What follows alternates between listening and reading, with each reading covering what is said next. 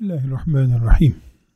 Elhamdülillahi Rabbil alemin ve sallallahu ve sellem ala seyyidina Muhammedin ve ala alihi ve sahbihi ecma'in.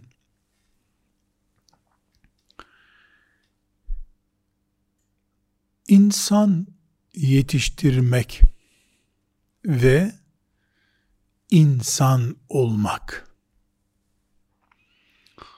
Sadece çalışıp para kazanmak da değildir sadece namaz kılıp oruç tutmak da değildir.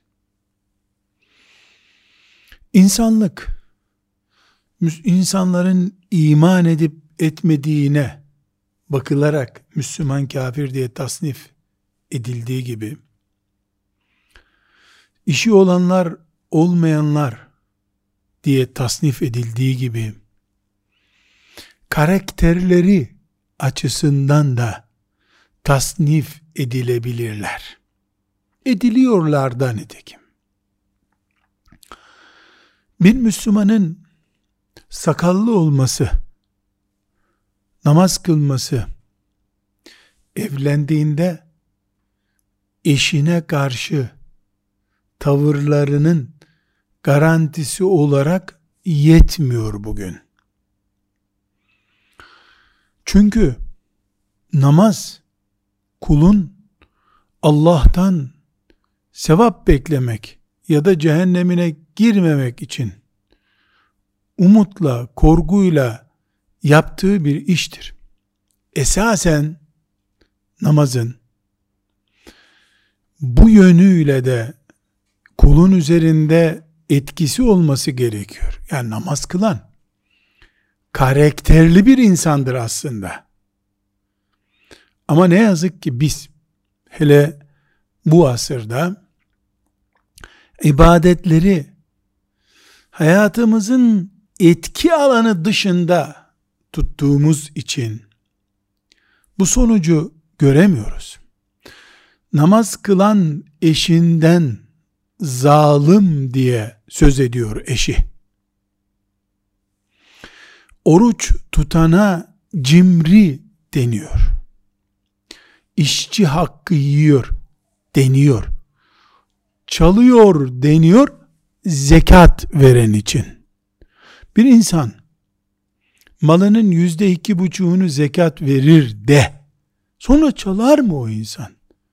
Hiç böyle akla oturur bir şey değil. Ama biz Müslümanlığın kaynağı olan Kur'an-ı Kerim'i ve hadisi şerifleri ritüel dedikleri o ifadeyi kullanmak istemiyorum. Günlük bazı yapılan işlere dönüştürdüğümüz için emirler ve yasaklar bakımından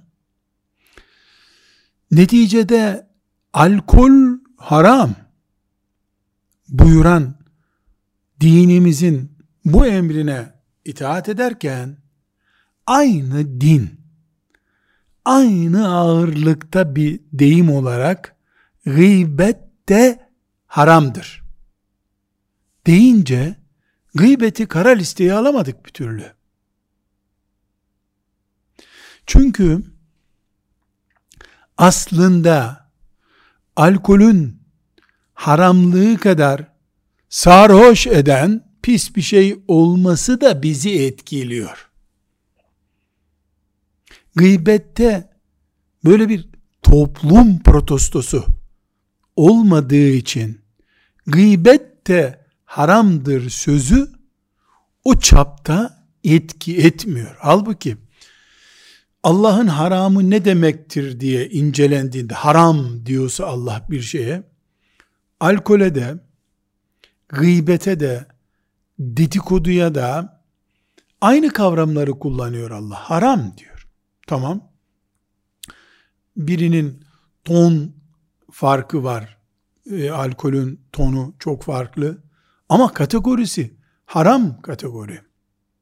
Hatta e, böyle bir teşbih bakımından kullanacak olursak alkol için şeytan pisliği diyor Kur'an-ı Kerim. Gıybet için ölmüş insanın etini yemek diyor. Yani böyle mecazi bakıldığında bu meseleye gıybet çok da alkolden aşağı bir şey değil. Ama bizim kara listemize bir türlü giremiyor.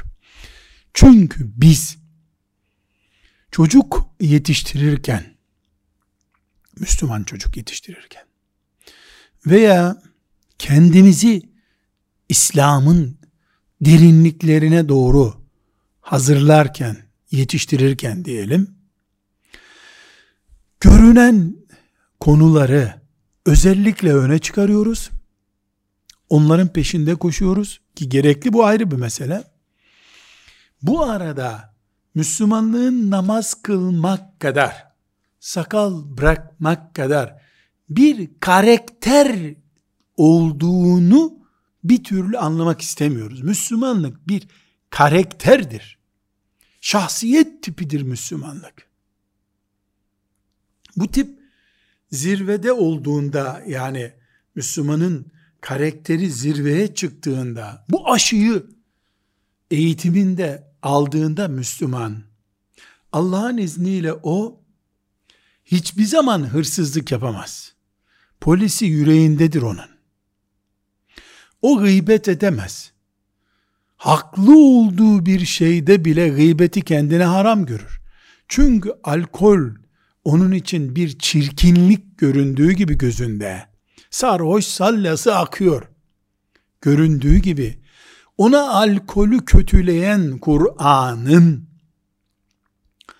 sonra gıybet etmeyi Müslümanın öldükten sonra baldırını kesip ondan mangalda pirzola yapmak kadar çirkin bir şey olduğunu hisseder. Bu bir karakter meselesidir.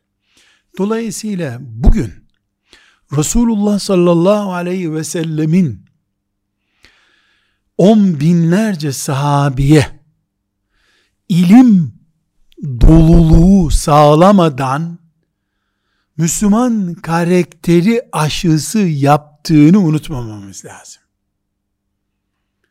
Aksi takdirde bir sahabi 10 gün bile Resulullah sallallahu aleyhi ve sellemle beraber kalmadığı halde nasıl onun temsilcisi ahlakta, ibadette, ciddiyette, cihatta, fedakarlıkta temsilcisi olarak bir yere vali tayin ediliyor.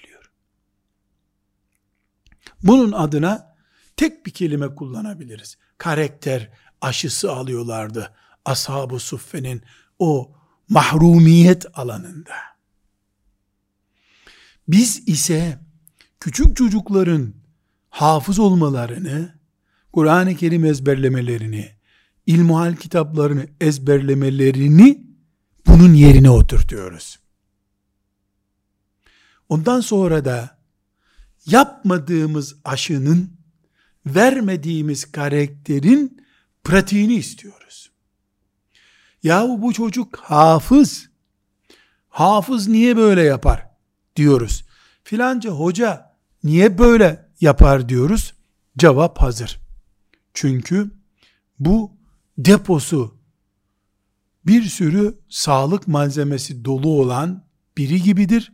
Ama zamanında aşısı olmadığı için sorun yaşıyor. İnsanın karakter bozuklukları, bu karakteri sadece yalanla ve eşine zulmetmekle sınırlamıyorum. Mesela uyumamak, geceyle gündüzü karıştırmak da bir karakter bozukluğudur. Allah insan için bir düzen kurmuştur. Gece var, gündüz var. Bunu karıştıranda da karakter bozukluğu var.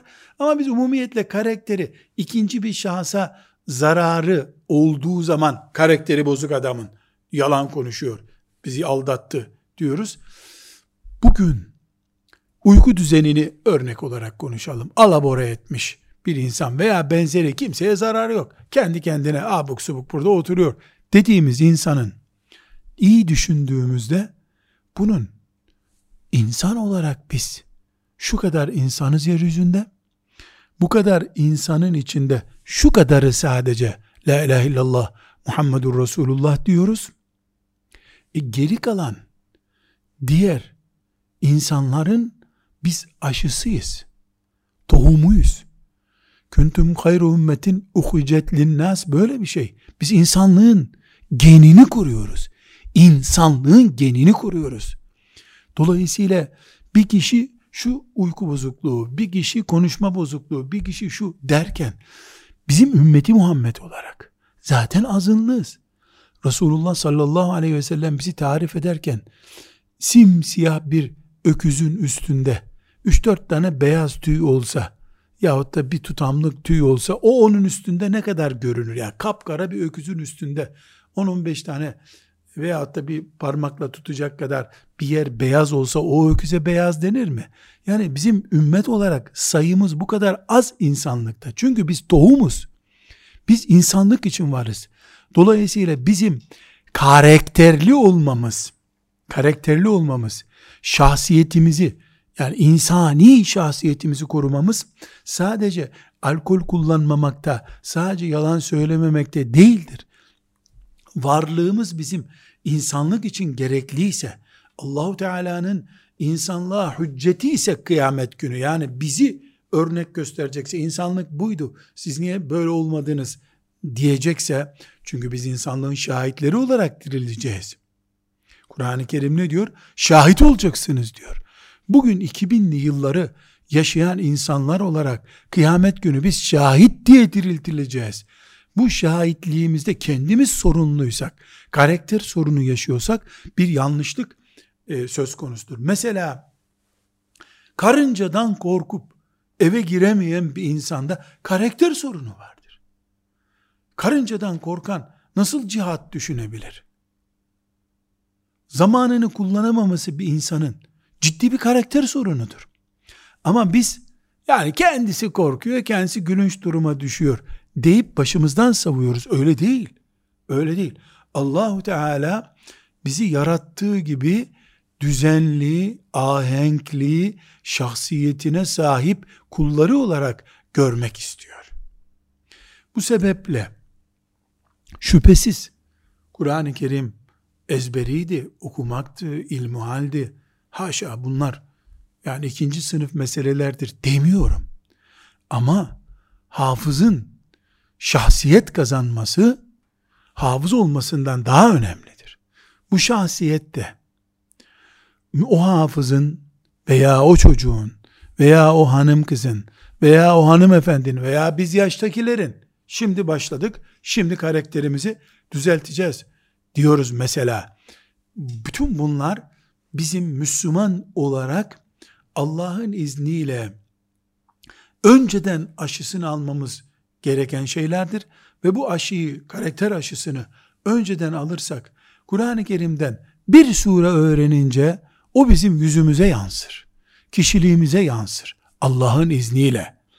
Eğer bunu biz başımızdan savsaklarsak kitap ezberleyip bitirmesini çocuğun işte şunları ödev olarak yapmış bugün diye biz mutluluk açısından yeterli bulursak bu ne demektir?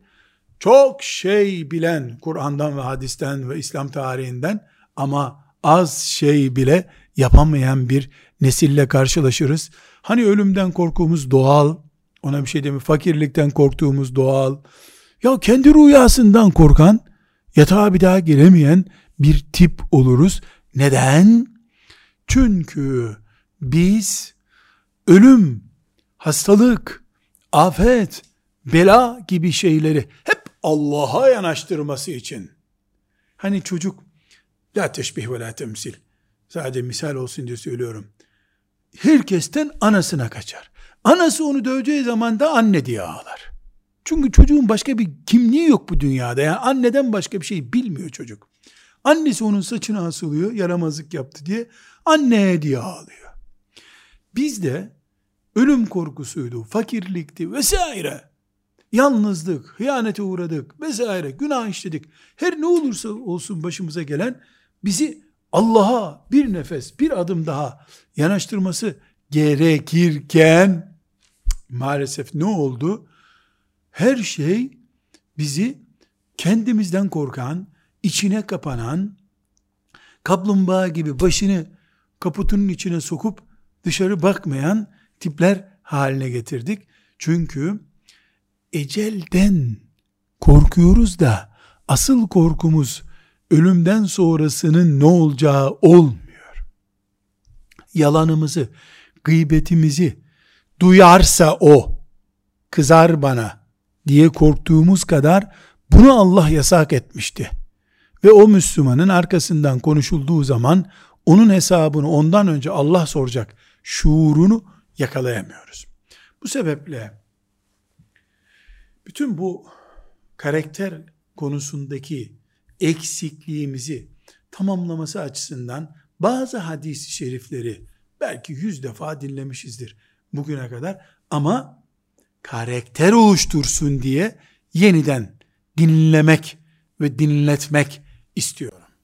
İnşaallahu Teala bunları not alacağız ve bu hadis-i şerife göre ben şu aşıyı almış oldum şimdi diye tefekkür edeceğiz Allah'ın izniyle.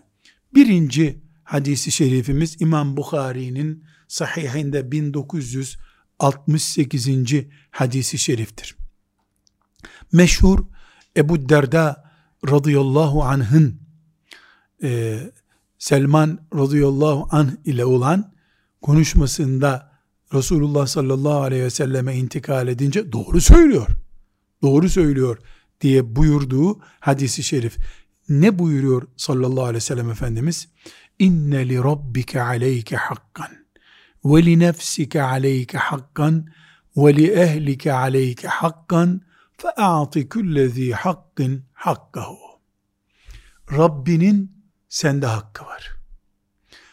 Bedeninin sende hakkı var. Ailenin sende hakkı var. Herkese hakkını ver. İşte Müslümanlık. İslam. Haza Müslüman. Namaz durunca, namaza durduğunda, bu Allah'tan başkasını düşünmüyor. Öyle anlıyorsun. Çocuğuyla oynarken, hanımıyla sevişirken, bu manyak mı? Aklını mı yitirdi? Bu herhalde namazı unuttu. Zannediyorsun. Spor yapıyor. Allah Allah bu dünkü namaz kılan adam değil diyorsun. Ne yapıyor aslında? Allah'ın hakkı söz konusu olunca dünya duruyor onun için. Seccadeden başka bir derdi yok. Kur'an okumaktan başka bir çözümü yok. Çünkü onun için güneş durdu, Allah'a kulluk başladı anlıyor. Sonra çocukları, hanımı, babası, arkadaşları, ailesiyle ilgili, akrabaları ile ilgili bir şey olunca sanki dünya yeniden durdu, sadece onun ailesi için dönüyor gibi anlıyorsun. Ona hakkını veriyor. Sonra bakıyor ki yani yağ kapladı, kasları zayıfladı, eve spor aleti alıyor, bahçeye gidiyor, çıkıyor, yürüyüş yapıyor. Ya senin ne işin var sabahleyin bağıra bağıra Kur'an okuyordun diyemiyorsun. Bedeninin hakkını veriyor. Sofraya oturuyor, bir but et yiyor. Ya ne yapıyorsun sen? Dünkü namazda ağlayan adam değil misin? Bedenin hakkı var diyor. Hayat dengesi kuruluyor. Resulullah sallallahu aleyhi ve sellem ashabını bu şuurla yetiştirdiği için Ali radıyallahu anh 30'dan fazla çocuğun babası iken bu dünyada öldü gitti. Onları hayat köreltemedi. İbadet hayattan koparmadı. Burada hayatı programlama var. Biz Kur'an'a feda olmuş insanlarız. İnşallah. Ya da biz çocuklarımızı öyle yetiştirmek istiyoruz. Bu çocuğumuzun spor yapmaması anlamına gelmiyor. Çocuğumuz Kur'an ehli olacak diye hiçbir çocuk görmemesi, oyun oynamaması gerekir demiyoruz. E Resulullah sallallahu aleyhi ve sellemin talebesi Enes İbni Malik 12-13 yaşlarındaydı. Şöyle hemen hemen akıl bali olacak bir çocuktu. Delikanlıydı, ergenlik yaşına gelmişti. Resulullah'ın talebesiydi aleyhissalatü vesselam. Vahyi ezberliyordu. Sıcağı sıcağına hem de. Ama oyun oynuyordu. Kendisi anlatıyor oyun oynadığını. Aksi takdirde hızlı kalkış yapıp bu programlamayı yapmayanlar, hayatın gerçeğiyle ters yöne gittikleri için erken bıkacaklar, erken yorulacaklar ve hak zayiatı yapacaklardır. Neyi kastediyoruz hak zayiatıyla? Rabbi ile meşgul olduğu için çocuklarını ve eşini ihmal edecektir. E kıyamet günü namaz kıldığı için çocuklarına zulmeden bir baba olarak dirilecek belki de o gözyaşlarıyla kıldığı namazları çocuklarına verecek kıyamet günü. Hayat ancak programlandığı zaman Müslümanca yaşanabilir. Öbür türlü Müslümanca yaşandığı zannedilir. Hem elden gider, hem sen zarar edersin, hem aradığını bulamazsın kıyamet günü. Bu bir karakterdir. Hayata programla yanaşıyoruz. Nasıl tarladan pırasayı alıp ısırıp yemiyoruz, yemek yapıp yiyoruz. Hayatı da Allah bize programlandığı zaman Müslümanca yaşanabilir bir nimet olarak verdi. Bunu sadece umreye giderek yapamayız biz. Evet, bu çocuklarımızın isteklerinin yerine getirilmesi, her arzularının yerine getirilmesi anlamında mıdır? Hayır. Bizim şeriatımız var. Öyle her deneni yaptıktan sonra hayatın bir anlamı yok ki bizim için. Ne yapıyoruz? Şeriat sınırları içerisinde eğleniyoruz. Şeriat sınırları içerisinde yiyip içiyoruz. Şeriat sınırları içerisinde seyahat yapıyoruz. Aile düzenimizi, akraba bağlarımızı şeriatımızın kontrolünde sürdürüyoruz. Ezan okununca hayat duruyor, seccadeye geçiyoruz. Şaka yapılacağı zaman hayatı şaka dosyasından açıyoruz. Yeter ki Allah'ın haramlarından bir haram olmasın, her şey mubah diye düşünüyoruz. Bu bir karakterdir. Biz bu hadisi yahu Selman radıyallahu anh ne basiretli adammış. Ebu Derda'dan Allah razı olsun diye bir hikaye gibi dinliyoruz. Hayır. Bu bir aşıydı.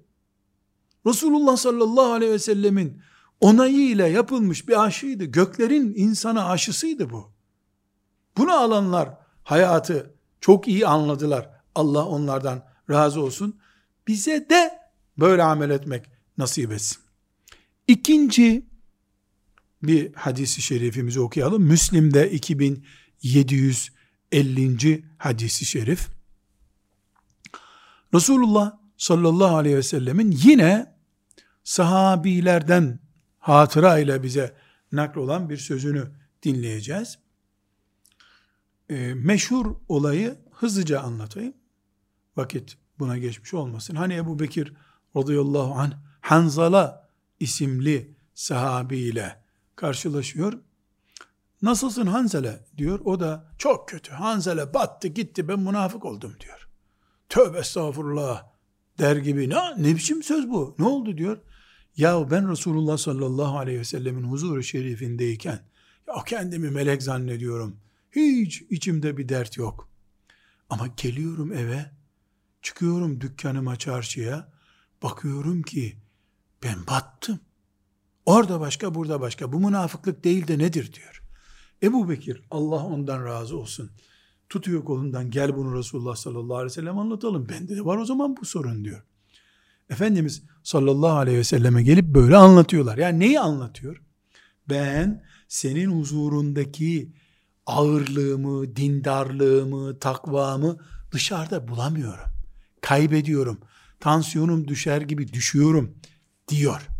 Efendimiz sallallahu aleyhi ve sellem onunla ne buyuruyor? Vellezî nefsi biyedihi in lev tedûmûne alâ mâ tekûnûne indi ve fi zikri lesafahatkumul melâiketu alâ furuşikum ve fi turukikum velakin ya hanzale sa'aten ve sa'aten evet hadis ne buyuruyor?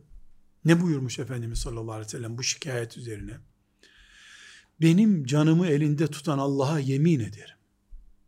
Siz benim yanımda zikir yaparkenki gibi hep devam etseniz, hep öyle olsanız, Yani ara sıra dükkanda, evde, tarlada, çarşıda nabzınız biraz düşmese o zaman yataklarınızda iken bile yolda yürürken bile melekler size el uzatırlar. Yani melek olurdunuz. Ne demek? O bahsettiğin, arzu ettiğin şey melek hayatıdır. İnsan hayatı değildir. Melek dünyanın mahluku değil. Arşın mahluku. Dolayısıyla onun kadına bakmak, kıza bakmak, faiz reklamı görmek, alkol kullanmak diye bir derdi yok. Aç kalmak diye bir derdi yok. Evlenmek, boşanmak diye bir derdi yok meleğin. Namazda sev secde olacak, yanlış iş yapacak diye bir derdi yok. İnsanın bu dertleri var. Çünkü insan cennet için yaratıldı, dünyada yaratıldı. Dünyanın bataklıklarından cennetin büyük meydanına çıkması isteniyor ondan. İnsanın işi zor. Dolayısıyla insan dünyadan cennete gideceği için dünya atmosferinden sıfır etkileniyor olması insandan beklenmez. Sonra ne buyurmuş Efendimiz sallallahu aleyhi ve sellem? Lakin ya Hanzala sa'aten ve sa'aten. Ama Hanzalacığım bir öyle bir böyle. Bir öyle bir böyle. Yani ne demek bir öyle bir böyle? Sen hep benim yanımdaki gibi olman gerekmiyor. İşe yaramazsın ki o zaman.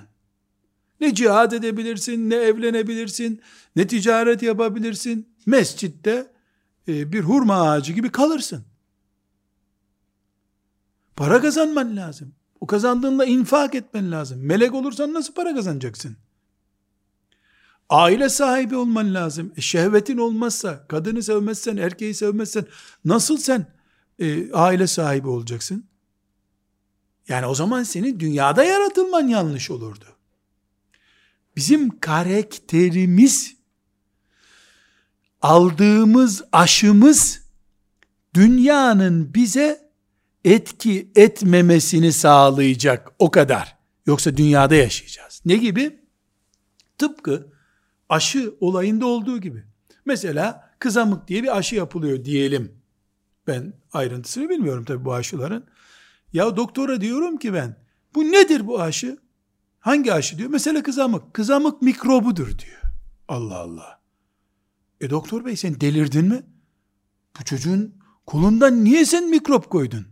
Ha, ben mikrop koydum. Vücut onu tanıdı. Sonra kızamık denen hastalık geldiğinde etki etmeyecek çocuğa. Niye etki etmeyecek? Çünkü bünyede o var. İlk defa görmüyor vücut onu. Efendimiz sallallahu aleyhi ve sellem Hanzala'ya hayat aşısı yaptı. Hanzala bir öyle bir böyle olacak buyurdu. Ne olacak peki?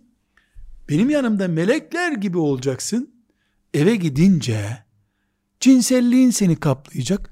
Harama bulaşmadan, zulmetmeden, helalinden yemek şehvetini tatmin edeceksin. Cinsellik şehvetini tatmin edeceksin para kazanma şehvetini tatmin edeceksin. Bahçedeki ağaçları tatlı tatlı seyretme şehvetini tatmin edeceksin.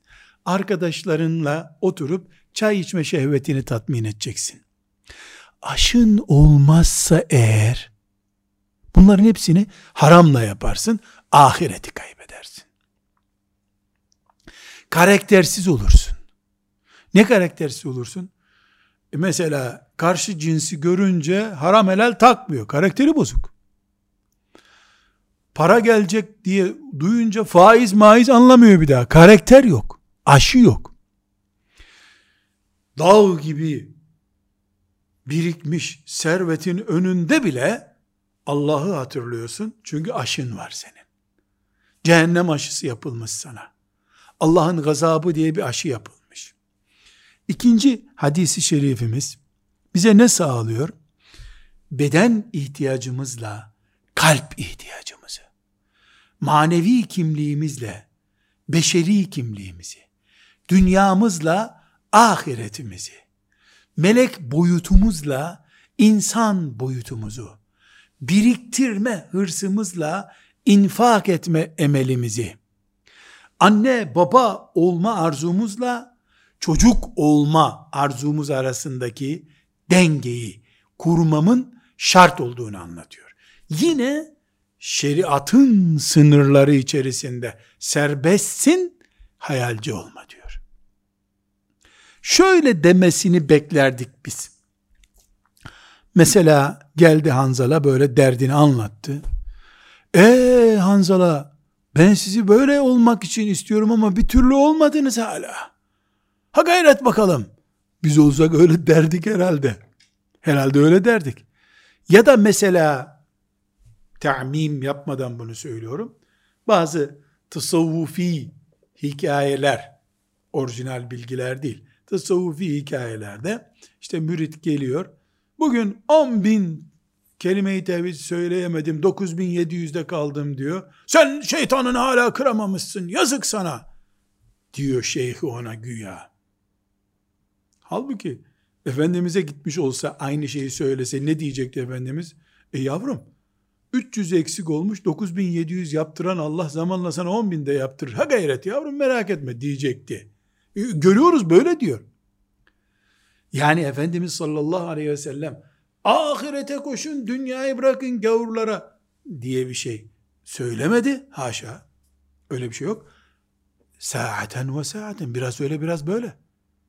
Bir oraya bir buraya.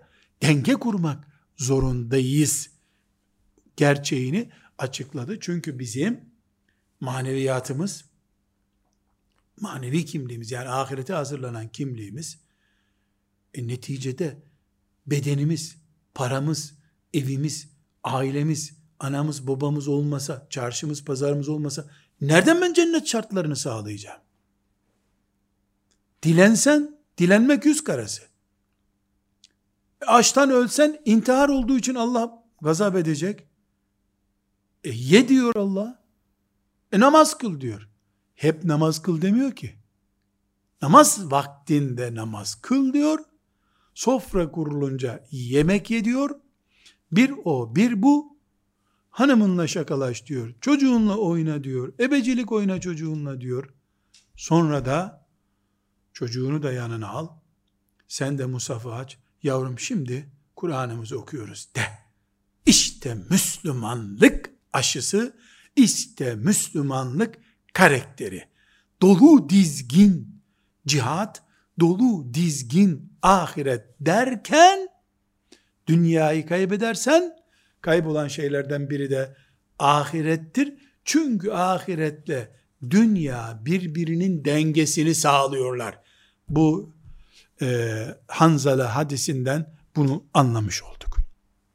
Şimdi Tabarani'de 2103. hadis Şamlılar Müsnedi diye bir bölüm var. O bölümde 2103.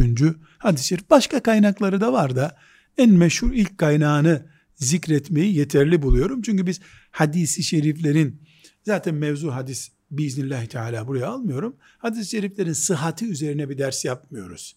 Bu dersimiz hadisi şeriflerden hayatımıza karakter çıkarmaya yönelik.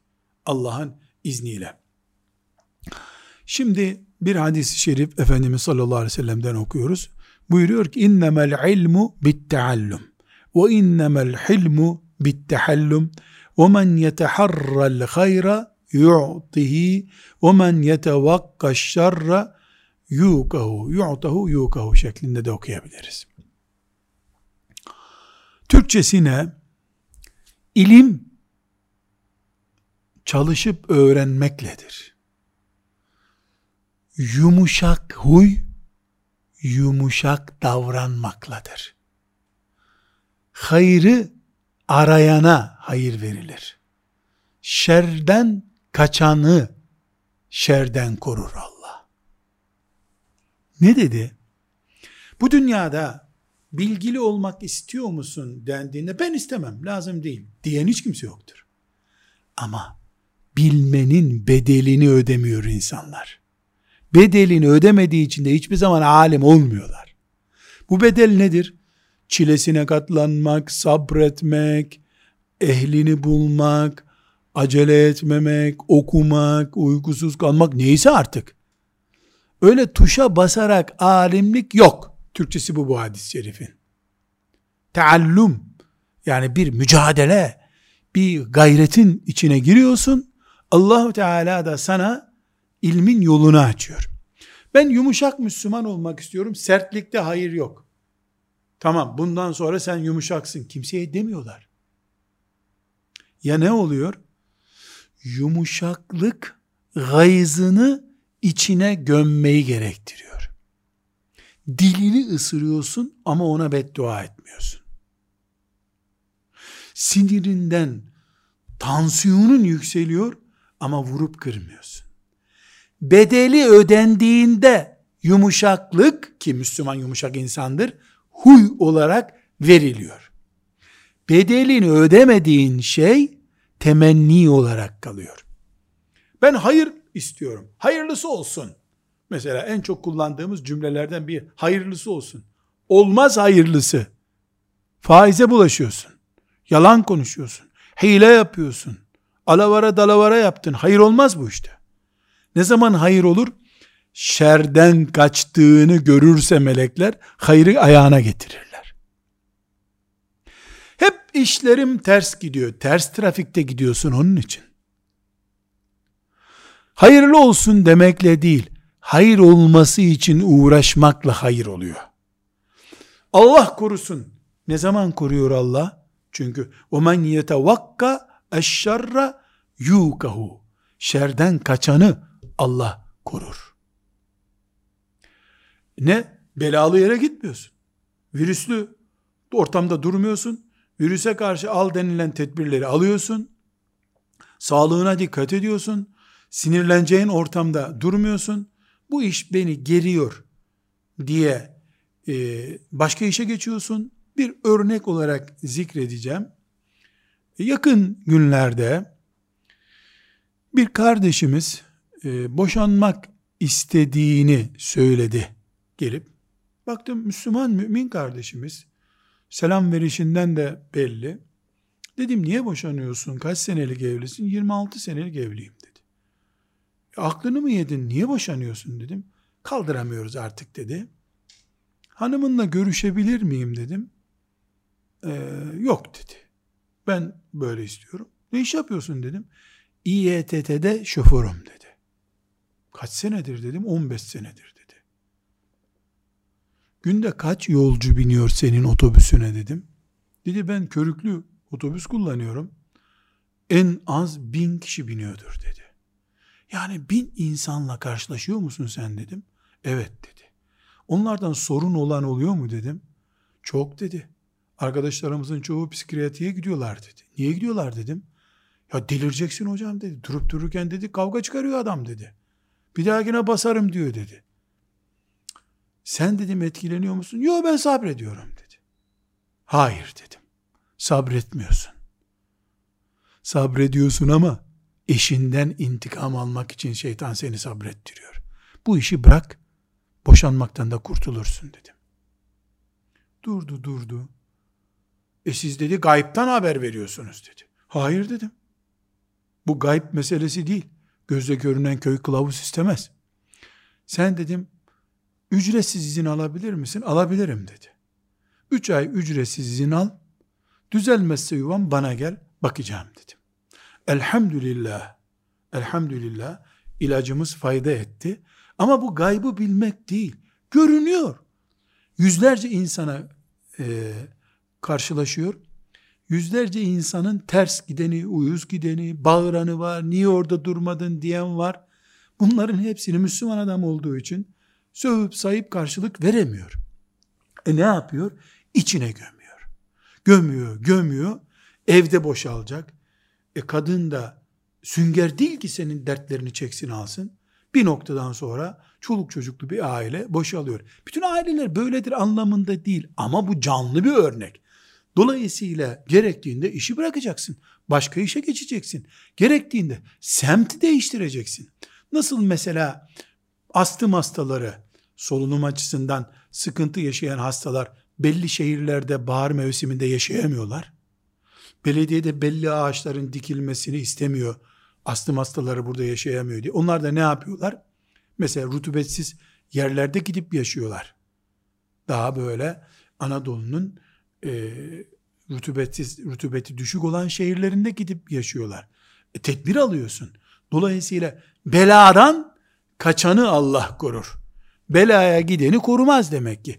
Bu hadisi şerif insanın yani bu üçüncü hadis-i şerifimiz insanın arzu ettiği şeylerin ona gelmesi için bedelini ödemesi gerektiğine dair bir aşıdır. Bedavacılık yok. Kuru dua etmek yok. Eylemli dualar yapmak var. Ne yapıyorsun? Ya Rabbi zidni ilmen bana ilim ver diye dua ediyorsun. Güzel. Bu dua çok güzel. Ama oturup okuyorsun. Alimin dizinin dibinde oturuyorsun. Kitabını okuyorsun. Notlar tutuyorsun. O zaman Allah sana ilim veriyor. Ben yumuşak mümin olayım, sert mümin oldum mu, bütün e, sertlikler beni buluyor, kavga ediyorum, sevaplarım azalıyor, kul hakkına giriyor. Gereğini yapacaksın. Ortamını hazırlayacaksın. Aynı şekilde hayrın peşinde koşacağım. O zaman hayır sana verilecek. Sen hayrın peşinde koşmadıkça hayır gelip seni bir yerden bulmaz. Sen hayra muhtaçsın. Hayır sana muhtaç değil. Belalar senin için yaratılmış zaten. Onlar sana gelmek için uğraşıyorlar. Sen beladan kaçmayı becerdiğin zaman ancak beladan korunmuş olursun. Bu da Efendimiz sallallahu aleyhi ve sellemin bize yapmış olduğu aşı. Bu aşıyı ashab-ı kirama yaptı. Onların üzerinde tuttu. Hem ne kadar tuttu. En canlı aşısının tuttuğu örneklerden birini Ömer radıyallahu anh'te görüyoruz. Sinirlendirmişler onu bir gün. Zaten Ömer sinirli bir insan. Şimdi ne bekliyoruz Ömer sinirlenince?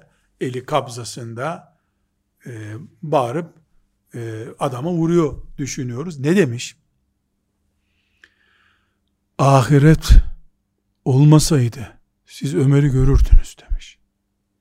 Aşı bu işte. Mümin sinirli olması gereken bir yerde la havle ve la kuvvete illa billah der, rahat eder.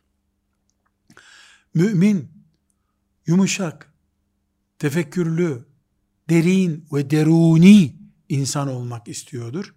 Ama oturup kalktığı arkadaşlara bakıyorsun, deyim yerinde ise dinamit gibi adamlar. Onların içinde sen nasıl tefekkürlü, deruni bir insan olacaksın ki? Oturup kalktığın kimselere bak. Mümin alim olmak istiyor.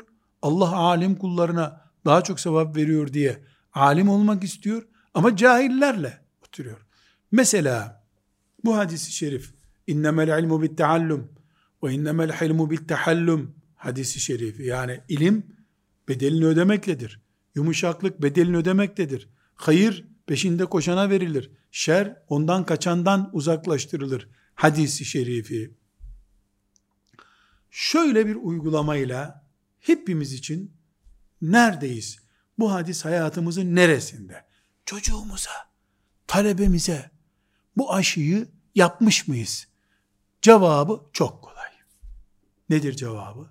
Hepimizin cep telefonu var. Cep telefonundaki numaralar kimlere ait? 10 numara var diyelim telefonumda. En 10 tane olmazsa bir telefonu daha 10 numara rakam kolay olsun. Bunlardan kaçı ilimle meşgul insanlar, yumuşak insanlar, hayırı arayan insanlar, şerden kaçan insanlar. WhatsApp grubu diye grubum var. Hemen hemen herkesin var artık. Bu dünyanın simgelerinden oldu. Bu grupta ben kimlerle beraberim? Nasıl insanlarla beraberim? Paylaştıkları şeyler neler? Ben oyum. Edebiyata gerek yok. Şöyle istiyorum, böyle istiyorum, kendimi kandırırım ben. Ne istediğin değil, ne yaptığın değerli. izlediğin haber kanalı bile, izlediğin haber oranı bile senin hayır arayıp aramadığını gösteriyor. Bir Müslümanın evindeki kitaplar neye merakı olduğunu gösterir. Bir Müslümanın kılık kıyafeti iç dünyasını yansıtır. Bir Müslümanın o haberi olmadan kullandığı yüz cümleyi kayıt altına alalım. Doğal bir şekilde muhabbet ediyoruz. Kayıt altına alalım. Ya da kendisi desin ki benim haberim olmadan beni bir gün kayıt altına alın desin. Sonra oturup dinleyelim. Kaç kere Allah geçiyor. Kaç kere sadakallah geçiyor. Kaç kere la havle ve la kuvvete illa billah geçiyor. Kaç kere Allahümme salli ala Muhammedin ve ala ali Muhammed geçiyor. Kaç kere Allah razı olsun geçiyor.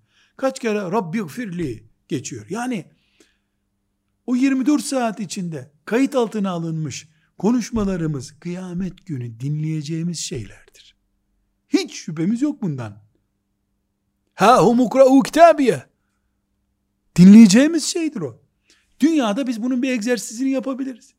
Mesela 24 saat içindeki 100 cümlesinden 50 tanesinde hasbunallahu ve ni'mel vekil la havle ve la kuvvete illa billah diyen bir Müslümanın yani hayrı aradığına dair bir şüphemiz var mı bizim?